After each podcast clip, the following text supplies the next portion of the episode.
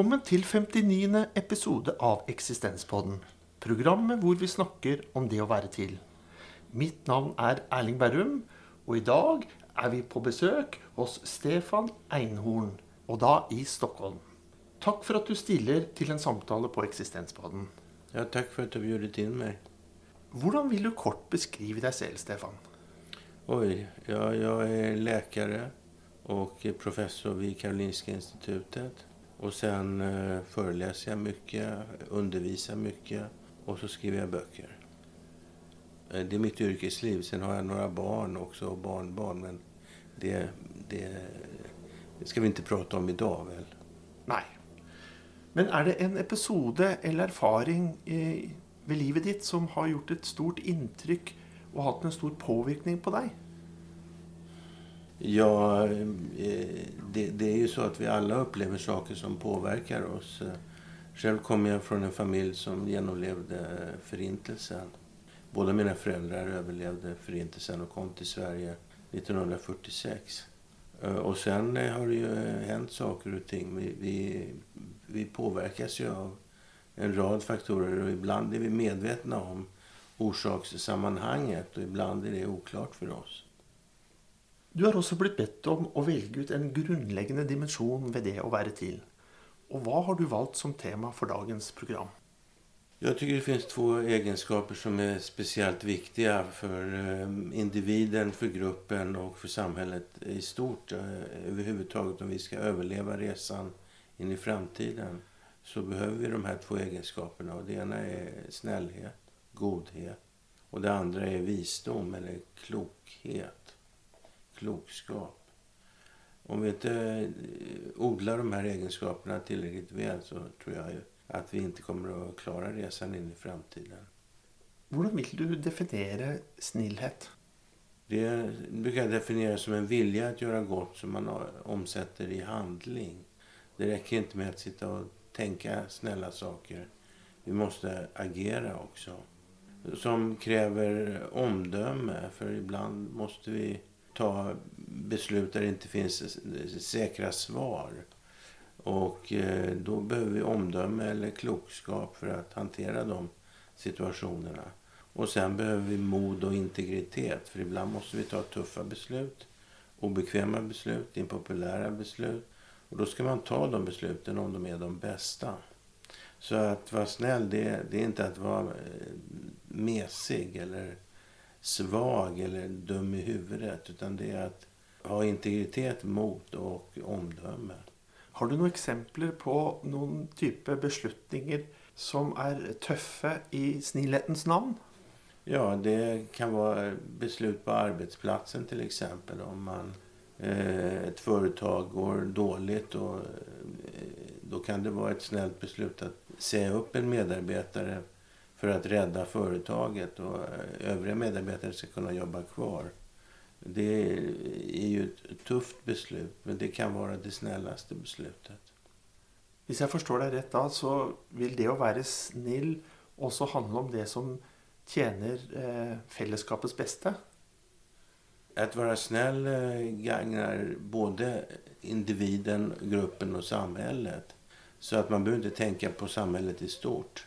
Eh, Det räcker med att man tänker på sina medmänniskor, sin familj, sina vänner, sina arbetskamrater. Men sen är det ju fördelen med snällhet är ju att man tjänar på det själv också. Så man gagnar ju, eh, förutom alla andra människor, gagnar man sig själv. Och det är ju visat i en rad vetenskapliga studier att det är på det sättet. Men den personen som da mistet jobben for at man skulle redde bedriften, Mm. den vil jo ikke oppleve deg som snill hvis du gir den personen sparken. Det, det, därför jag säger att ibland så blir man impopulär när man är snäll. Det, det är ingenting som eh, man alltid får med, medalj för. Utan jag brukar tänka att den största snällheten är när man eh, gör det utan att få tacksamhet. Man gör det för att det är det bästa. Det, det är lättare att vara snäll när, man, eh, när människor runt omkring en jublar. Det är svårare när eh, omgivningen tycker att man inte är snäll.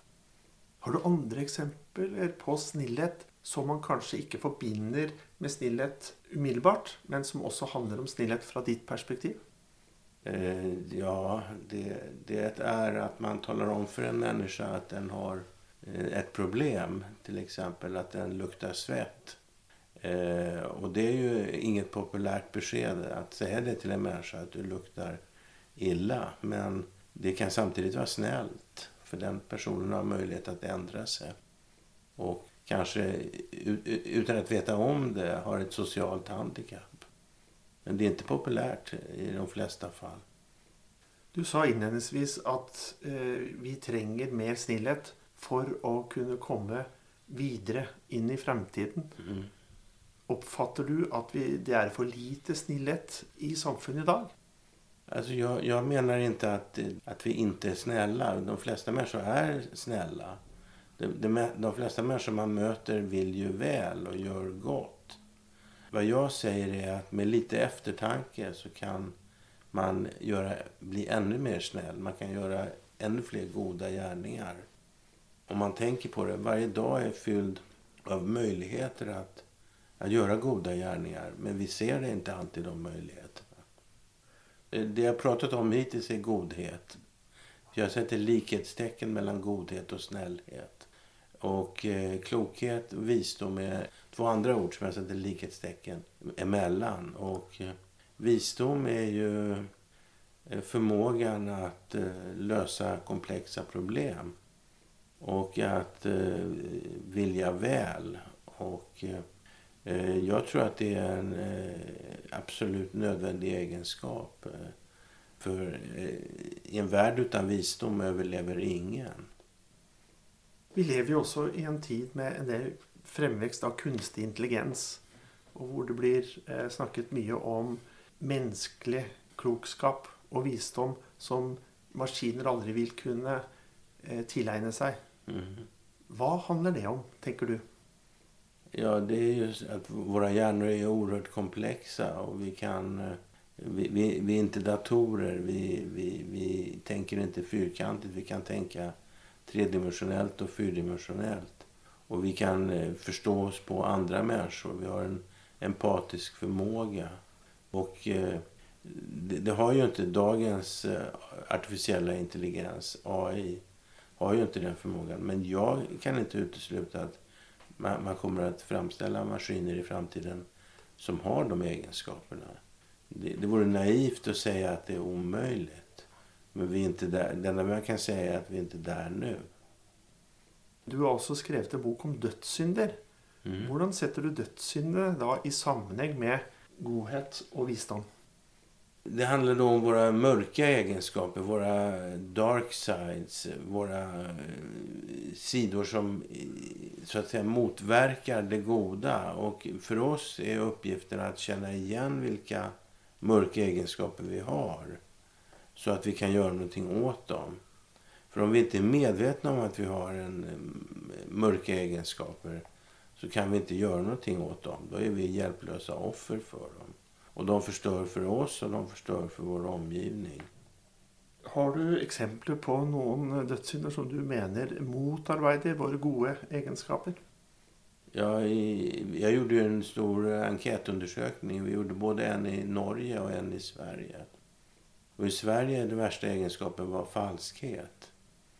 Eh, och det, först förvånade det mig för att eh, falskhet kom före hat och hänsynslöshet som var tvåa och trea. Men sen insåg jag att det var klokt eh, av svenska folket för att vi behöver tilliten. Vi behöver lita på varandra. Om vi inte kan lita på varandra så, så raseras samhället. Samhället bygger på att vi litar på eh, samhällsstrukturen och på våra medmänniskor. Och eh, om vi inte gör det så Eh, spricker samhället. Så det, därför förstår jag att det, svenska folket valde falskhet.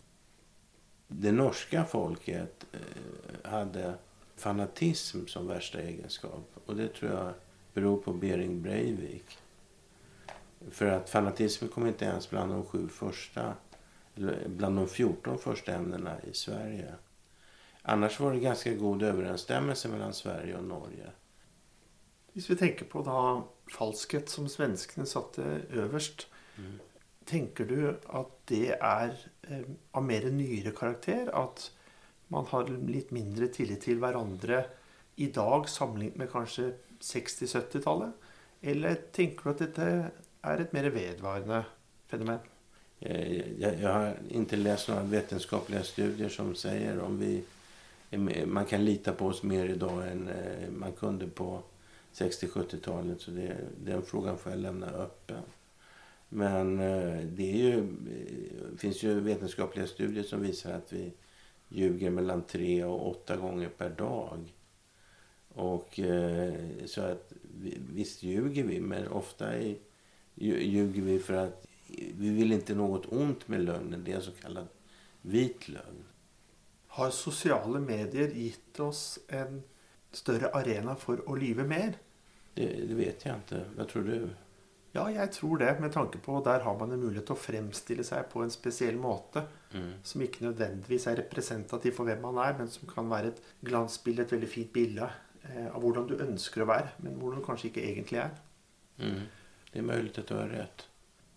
Hvordan tenker du at man skal kunne klare å komme ut av sin egen falskhet hvis man på har gått inn i en verden hvor man i større grad fremstiller seg som noe man ikke er, än den man egentligen...?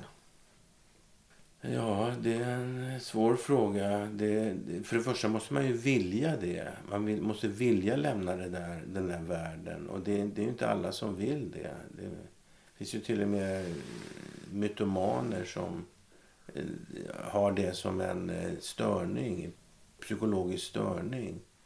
Så att det är det första steget, att man verkligen vill bryta med det här mönstret. Och samma sak gäller för andra dåliga egenskaper. Att det första man måste fatta beslut om är att man vill sluta ha den egenskapen. Och nästa steg måste man eh, lägga upp en strategi för att jobba bort den här egenskapen. Och det är ju ett, kan vara ett hårt arbete för att i regel har vi levt med den här egenskapen hela vårt liv. Den blir en del av oss. Men jag menar att det går. Vi kan förändras. Vi kan bli bättre människor om viljan finns där. Det har jo blitt sagt at når man blir eldre, så er det mye vanskeligere å endre seg. For at kanskje den kapasiteten og rommet for endring i størst grad ligger i barndom og ungdom. Men tenker du at vi også i voksen alder eh, kan endre oss? Alltså, jag har ju precis kommit ut med en bok som handlar om åsikter. Eh, Tillåt mig tvivla heter den. Och eh, den handlar om att eh, vi har väldigt svårt att ändra våra åsikter. Och där, där visar det sig att du har rätt alltså. Att eh, vi har lättast att ändra åsikt när vi är unga. Och sen blir det svårare och svårare ju äldre vi blir. Eh, sen, men sen finns det andra undersökningar som visar att eh, vi förändras faktiskt när vi blir äldre. Vi blir i genomsnitt vänligare, mer omhändertagande, mer ansvarsfulla. I genomsnitt blir vi helt enkelt snällare med åldern.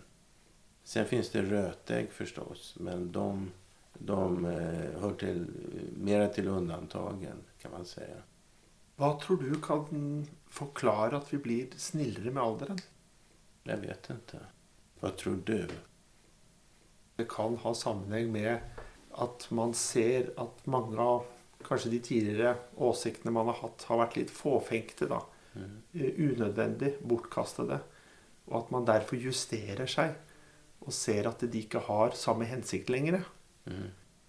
Samtidig også tenker jeg at når man blir eldre, så får man kommer man jo også på en måte nærmere døden og får litt mer dødens synsvinkel på eget liv. Mm. Og da får man kanskje kalibrert egne perspektiver i større grad. Man får liksom et litt mer overordnet, litt større perspektiv på livet. Og da ser man verdien og viktigheten av å være snill i større grad. Mm. Det är möjligt att du har rätt, men man, man, har, in, man blir inte visare med, med, nödvändigtvis med ålderdomen. Eh, man, man blir inte heller nödvändigtvis dummare. Eh, men eh, det, överhuvudtaget är det nog så att vi, har, vi, vi stelnar lite i vår personlighet när vi blir äldre. Men eh, det finns skillnader, alltså som det jag nämnde till exempel. att vi blir snällare i genomsnitt. Vad som motiverade dig personligen till att skriva om eh, snillhet och klokskap? Ja, jag, började min författarkarriär när jag var i 40-årsåldern redan. För att, eh, eller det är ju ganska sent menar jag. Och eh, det första jag gjorde var att skriva en bok om Gud. För jag tänkte jag skulle lösa problemet med Gud en gång för alla. Och eh, det slutade med att jag kom fram till det sensationella svaret att Gud kanske finns. Det vill säga, jag löste inte problemet. Men jag skrev en hypotes om hur Gud kan vara. Och, och det byggde jag på att jag jämförde ett antal olika religioner med varandra och tog ut det som var gemensamt för religionerna i synen på Gud. Men, men det tog mig tre år att skriva den här boken och då hade jag samlat på mig en hel del kunskap om vad som är viktigt i religionerna, religionernas guldkorn. För det finns ju massa skräp i religioner också. Sånt som inte är, tillhör den andliga sfären. Och då, då insåg jag att eh, godhet och eh, visdom är ständigt återkommande teman i väldigt många religioner. Och eh, ett annat begrepp som är viktigt är kärlek. Och det brukar jag ibland översätta med medkänsla. Och sen bestämde jag mig för att fortsätta skriva böcker om de här viktiga ämnena. Så den nästa boken jag skrev hette Den sjunde dagen och det var en roman. Jag tror den finns på norska också. Och den är, är ett samtal mellan en far och en son som handlar om livets mening och eh, eh människans uppgift. Och sen boken efter det, då, då, då skrev jag Konsten att vara snill. Som ju eh, blev en bestseller. Och eh, den, den, fokuserar bara på egenskapen snällhet. Sen skrev jag Medmänniskor som också finns. Eh, Konsten att vara snill finns på norska. Medmänniskor finns på norska. Det är noveller som handlar om eh, medmänsklighet och dess motsats. Och sen skrev jag Vägar till visdom som också finns på norska. Som eh, handlar om eh, hur vi utvecklar den här förmågan till visdom. Kan du gå lite in på någon av de vägarna till visdom som du tänker är speciellt viktig? Alltså jag, jag beskriver visdom ganska eh, okomplicerat som en rad egenskaper. Som till exempel empatisk förmåga, förmåga till eh, att se konsekvenser av ens handlingar, förmåga att se problem ur olika perspektiv. Och nyfikenhet är också en viktig egenskap. Och jag, jag beskriver liksom de här egenskaperna som man genom forskning har eh, kommit fram till bygger upp visdomen. Och så säger jag så här att om du utvecklar en av de här egenskaperna så blir du visare, klokare. Om du utvecklar flera så blir du ännu klokare. Och utvecklar du alla de egenskaperna, ja, då blir du superklok. Helt enkelt. Så att det, man kan säga att det, det är en instruktionsbok i hur man blir en klokare människa. Och sen definierar jag klokhet som en förmåga att lösa komplexa problem. Det intressanta är att godhet är kopplat till klokhet. Man kan vara intelligent och, och elak. Man kan vara eh, smart och elak. Men man kan inte vara vis och elak. Det går inte definitionsmässigt. Utan eh, har man egenskapen eh, godhet så kan man utveckla egenskapen klokhet och vice versa. Är det någon rollmodeller för klokskap och godhet idag eller genom tiden du vill peka på som har många av dessa egenskaper du är upptatt av? Alltså, det, första, det viktigaste att säga är ju liksom att det finns inga perfekta människor. Även om vi försöker utveckla egenskapen godhet och klokhet och även medkänsla så lyckas vi inte ibland. Och det är väldigt viktigt att understryka det. För tror man att man är helt vis eh, eller helt god ja, då, man, då får man börja från början igen. Då är man ute på hal is. Men eh, jag tycker det är svårt att tala om eh, visdom och klokhet eh, och godhet när man inte känner människorna. För att det finns ju vissa förebilder i historien som vi alla känner till. Till exempel eh, Gandhi eh, och eh, Nelson Mandela. Men vi vet ju inte hur de var helt och hållet i sitt privatliv till exempel. De kan ha haft mörka sidor. Men de, de är väl exempel på människor som har haft förmågan att eh, fatta kloka beslut. Men sen finns det. Jag tror min farfar var väldigt klok. Han var, han var en skräddare i, i Polen. Han hade ingen han sexårig skol, eh, skolutbildning. Det var allt. Men de historier jag eh, har hört om min farfar får honom att framstå som en osedvanligt klok människa.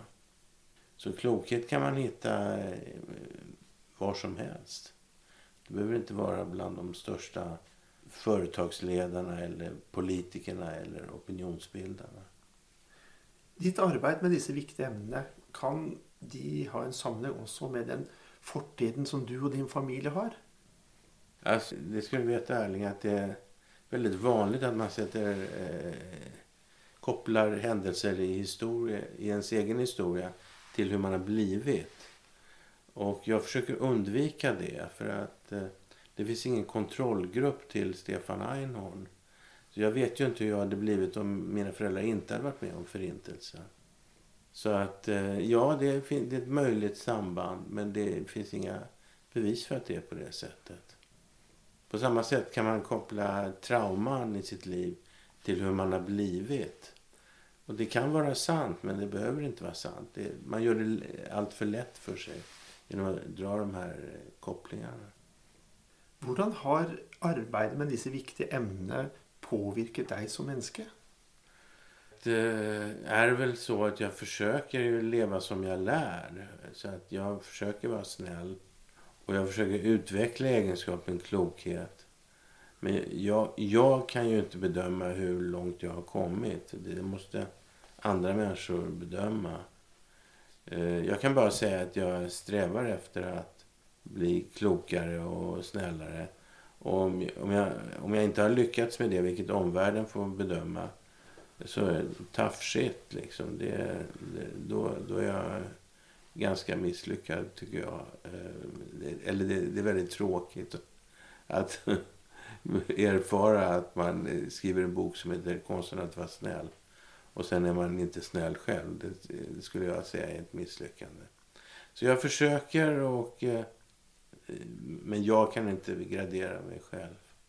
Vilka svårigheter eh, kan vara typiska i ens egen strävan efter att bli snillare eller bli klokare?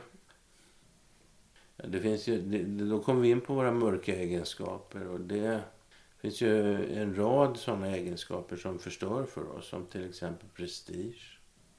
Om vi värnar om vår egen stolthet och vårt, vårt ego framför eh, liksom gruppen eller familjen. En annan sån eh, typisk eh, negativ egenskap är, är ju aggression. För att vi blir jättedumma i huvudet när vi blir förbannade. Det, så det kan vi eh, snubbla på så att säga. Och sen finns det, eh, det finns ju en rad andra, till exempel girighet, att man vill tjäna massa pengar. Fördomar, att man har förutfattade meningar om människor. Att man eh, är eh, alltför självupptagen så att man hela tiden sätter sig själv i fokus och så vidare. Det finns en rad sådana egenskaper.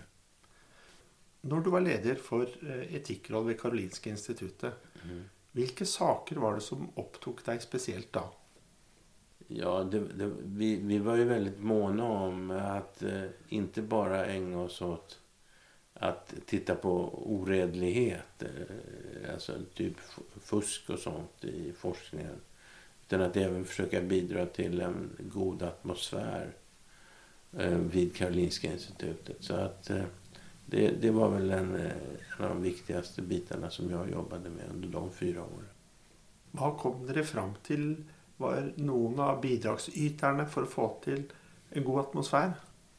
Ja, vi, alltså vi, vi gick ut med ganska mycket information och vi skrev en, eh, en vad ska vi kalla det, ett, eh, eh, ett upprop till hur man skulle vara mot sina medarbetare som spreds på, på universitetet.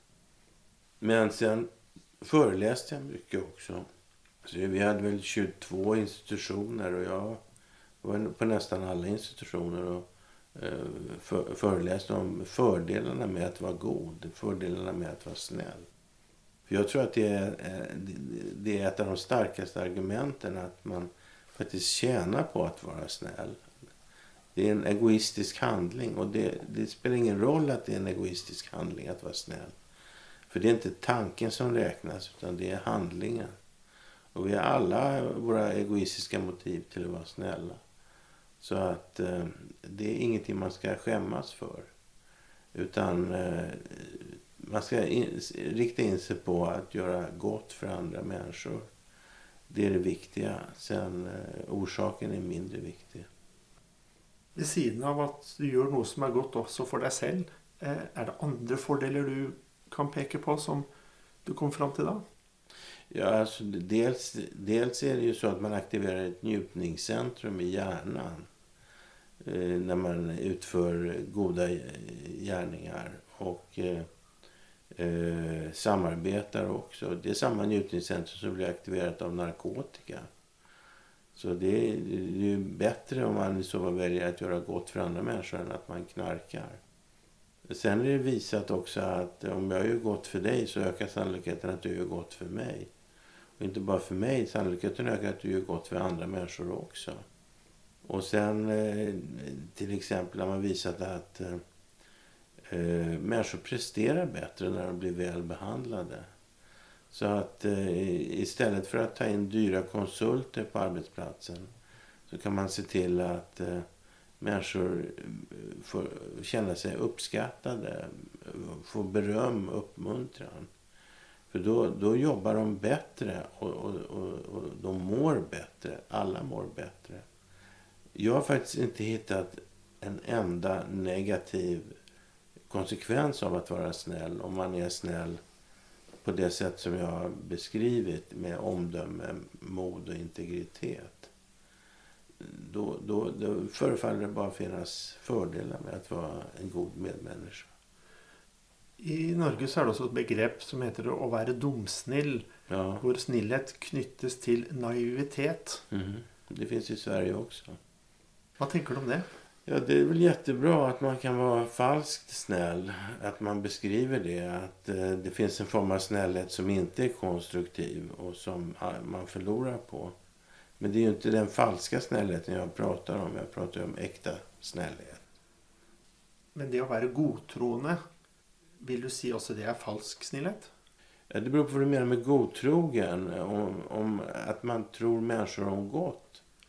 Det, det gör jag också. Jag tror människor om gott. Jag, eh, men man får inte vara så godtrogen att man inte har beredskap för att människor sviker. För eh, jag, i stort sett alla människor kan svika. Så min inställning är att man, man ska ha en viss beredskap men sen ska man tro människan om gott. Och det, det, det tror jag är viktigt för annars blir man ständigt besviken. Har du blivit sveket av andra du har tro på tidigare och hur hanterade du det? Alltså jag tycker det är väldigt ovanligt att jag blir, känner mig sviken idag.